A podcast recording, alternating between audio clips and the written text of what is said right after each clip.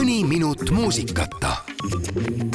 Egert Milder on taas lavalaudadel ja et tulemas on selline sügisene aeg, siis loomulikult kolitakse siseruumidesse, aga kohe-kohe saab ta ise sellest kõigest rääkida. meil on telefonil Egert Milder, tere päevast! tervist, tervist, suur rõõm! Egert, kui sinu tegemisi jälgida, siis tundub, et sa oled ikka rohkem mujal kui Eestis. kas praegu su jalad on siis kindlalt Eestimaa pinnal? ja praegu ikkagi äh, olen juba täitsa niimoodi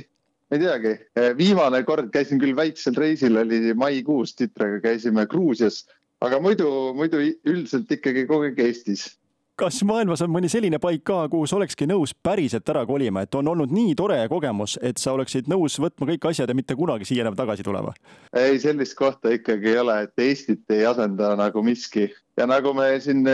suveti ikka tunda saame, siis Eestis läheb ikkagi need suved lähevad paremaks ja kliima läheb soodsamaks meie jaoks, et äh, Eesti on ikkagi tõesti kõige parem koht, kus elada, et võid küll olla kuskil äh, mujal, aga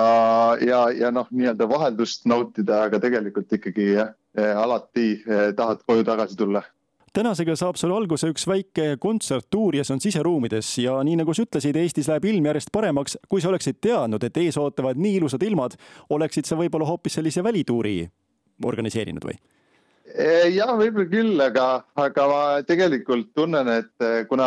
esitan niisugust akustilist kava, siis selline siseruum eh, hubases valguses tegelikult sobib isegi sellele natukene rohkem, et kui oleks bändiga, siis võib-olla oleks jah, mõnusam õues. aga praegu jah, on sellised hubased äh, sisekontserdid mis on see, mis sulle tõuke andis, et just nimelt nüüd ja praegu tahad sa lavale minna ja rahvale laulda? Peaasjalikult see, et tuli eh, uus eh, lugu välja siin augusti keskel. Eh, ja kuna see on selline nagu akustiline lugu, siis kuidagi mõtlesin, et tahaks nagu teha sellist kontserti, mis korra võtta kõik viled ja, ja tamburiinid ja kõik asjad oma muusikast ära ja, ja siis laulda akustilise kitarriga ja ühehäälselt kõik asjad nii-öelda esitada eh, neid eh, laule siis nagu nii puhtas vormis kui nagu võimalik, et eks ikka laua peale tuleb,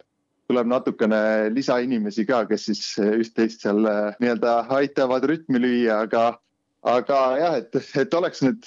lood kõlaks nagu nii puhtas vormis kui võimalik, nii nagu nad tegelikult algselt nagu kirjutatud ongi ja võib-olla sa oled natuke ettenägelik ka, kui peaks tulema tormisem ilm ja elekter läheb ära, siis saate kontserdi ikkagi ära teha no muidugi, see ongi see akustiliste pillide eelis, et äh, kui äh, arvutil hakkab töötamast ja tõesti akud saavad tühjaks, siis äh, minu kontserdid ära ei jää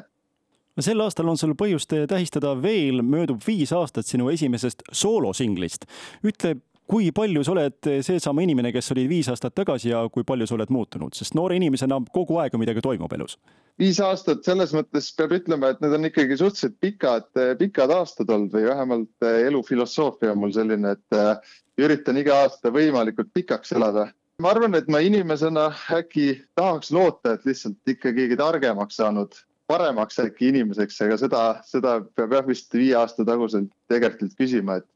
kuna ma täidan siukseid päevikuid igapäevaselt, siis peab, peab korra sinna võib-olla vaatama, et mis ma siis ikkagi elust arvasin. oled sa täna ka jõudnud sinna päevikusse midagi juba kirja panna? täna ja hommikul, eh, mul ongi alati hommikuti ärkan, siis eh, esimese asjana üritan eh, nagu seda teha, mõni päev jääb vahele, aga üldiselt olen tubli ja eesmärk on kümme minutit kirjutada, aga, aga vahel juhtub, et hommikul hakkab sihuke virvarr pihta siin pereelus, siis jõuan võib-olla paar minutit ainult mingid esimesed mõtted kirja panna, aga, aga vähemalt hoian oma seda rutiini. on see hästi isiklik või sa julged rääkida ka, millest sa täna hommikul kirjutasid?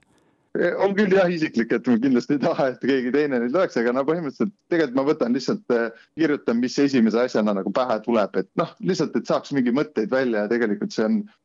olen nagu aru saanud, et see on vähemalt minu, minu ajule nagu on see tervislik, et et muidu mingid mõtted hakkavad nagu peas kerima ja teevad siukseid nagu, tekib sihuke lumepalli efekt, aga siis, kui kirjutad ära, siis sa oled kuidagi, saad nendest mõtetest vabaks ja võib-olla saad nende juurde hiljem tagasi tulla ja uue, uue nagu kuidagi ideega päeviku pidamine ongi selline võib-olla teraapiline ja ongi hästi isiklik, aga oled sa mõelnud, et võib-olla kunagi aastakümnete pärast võiks sellest ka omamoodi raamat kokku saada, et võib-olla väiksed nopped sealt võtta ja siis panna kokku selline omamoodi elulugu või? Otseselt nagu see, see pole nagu eesmärk olnud, aga kunagi ei tea jah, mis, mis nagu pähe tuleb, et eh, praegu ei oska küll midagi öelda. või noh, tegelikult ma juba näen seda väärtust nagu praegusel hetkel, et kui ma loen mingisuguseid